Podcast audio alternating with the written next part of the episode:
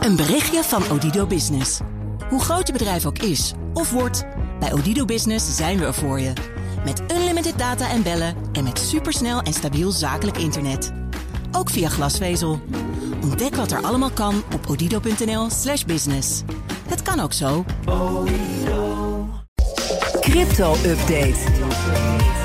De crypto-update met Herbert Blankenstein, presentator van BNR's CryptoCast. Ons programma over bitcoin en andere digitale coins. Herbert, uh, goedemorgen. Goedemorgen, Meindert. Cryptobeurs Bittrex wordt uh, voor de rechter gesleept in de Verenigde Staten... voor uh, de Securities and Exchange Commission, SEC. Ja, uh, Bittrex zou mensen hebben laten handelen in securities. Uh, dat zijn beleggingen. Uh, en dat deze zonder de vereiste registratie bij de SEC. En die SEC noemt een aantal coins die dan beleggingen zouden zijn. Hier komen ze, let op. Omis Go, Algorand, Dash. Token Card, iHouse Token en Naga. Ik ken ze ook niet allemaal hoor. um, de commissie geeft uh, dan voorbeelden uit documenten van die coins zelf. Die laten zien, zouden moeten laten zien dat investeerders verwachting hadden van winst. door de inspanningen van anderen. En dat is dan een belangrijk criterium. wat iets een effect of een belegging maakt. Bittrex klaagt dan weer dat ze de SEC steeds weer hebben gevraagd. te, te zeggen welke tokens als security zouden moeten zien. En uh, dan hadden ze er wat aan kunnen doen. Maar de SEC weigerde dat al maar te zeggen. Dus ja, als dat voor de rechter komt, kan dat uh, een interessante gedachtenwisseling ja, worden. Ja, zeker. Die, die SEC heeft er überhaupt wel zijn zin in de laatste tijd. Hè? Ze nemen de ene cryptobeurs na de andere te pakken. Nou, uh, Coinbase hangt de zaak boven het hoofd. Aangekondigd door de SEC, maar nog niet aangespannen. Um, Coinbase heeft zelfs al een licentie voor de Bahamas. Wil dus gewoon weg uit de VS. Bitweg is daar al mee bezig trouwens. Um, en meer voorbeelden. Kraken heeft geschikt voor het betalen van rente op crypto's. Dat maakte die crypto te goede ook effecten. Um, dat vond tenminste de SEC. Die met een schikking is dat uh, dus niet bevestigd. Hè, want dan is er geen zaak geweest. Uh, geldt ook voor een kleine trading site Beaksea. Die heeft ook geschikt met de SEC. Dus er is van alles tegelijk aan de hand.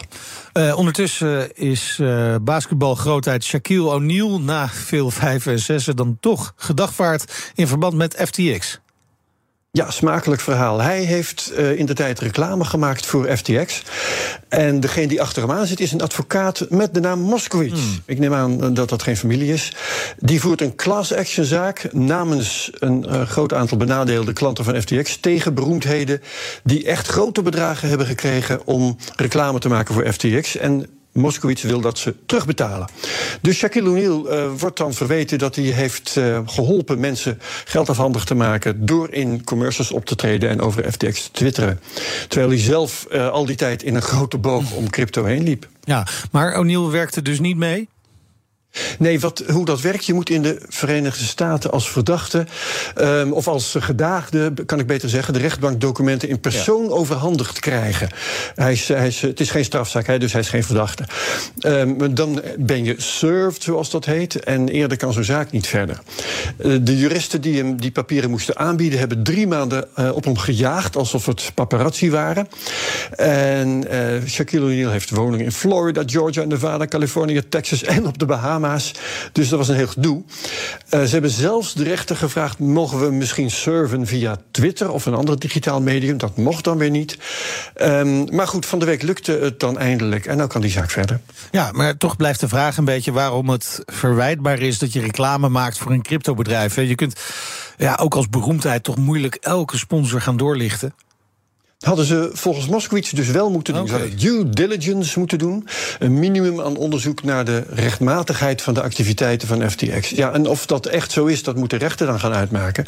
En ik zeg ze, want het is niet alleen O'Neill. Hè. Het is een all-star cast in, dat, in die class action zaak. Daar zitten bij komiek Larry David, model Giselle Bündchen... twee voetbalsterren, twee honkballers... een basketballer en ook tennister Naomi Osaka. En verder een paar complete sportteams... En allemaal hadden ze volgens Moskowitz beter moeten uitzoeken of wat FTX deed wel in de haak was. En hij eist in totaal, let op, 5 miljard oh. terug van al die partijen samen. Ja, wel bijzonder, Taylor Swift staat er niet bij. Nee, en dat had best gekund, want ze heeft een fantastisch aanbod gehad om een concerttour te laten sponsoren door FTX voor 100 miljoen dollar.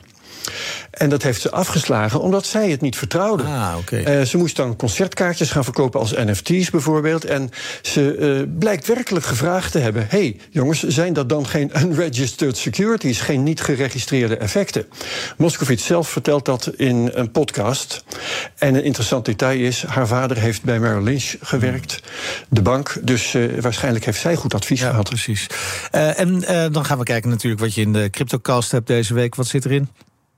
We hebben de nieuwe Nederlandse cryptobeurs Finst. Eh, die is met heel veel marketinggeweld sinds eh, februari de Nederlandse cryptomarkt opkomen stormen. Wil over vijf jaar de grootste zijn, niet zomaar in Nederland, maar in Europa. Daar zitten op- oprichters van de Giro achter. Eh, en als investeerders onder andere de crypto-optiebeurs Deribit, die ook in Nederland is opgericht.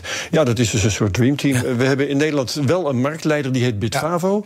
Dus ik voorzie een spannende concurrentieslag de komende tijd. Interessant, zeker. De moeite waard om te gaan luisteren naar de CryptoCast. Dankjewel Herbert. En alle afleveringen van de CryptoCast zijn natuurlijk eh, terug te luisteren via de BNR-app. Ook via onze website of een eh, podcast-app naar jouw keuze. Crypto-update wordt mede mogelijk gemaakt door BitTonic. Al tien jaar lang de Bitcoin-autoriteit van Nederland. Een berichtje van Odido Business. Hoe groot je bedrijf ook is of wordt, bij Odido Business zijn we er voor je. Met unlimited data en bellen en met supersnel en stabiel zakelijk internet. Ook via glasvezel. Ontdek wat er allemaal kan op odido.nl/slash business. Het kan ook zo.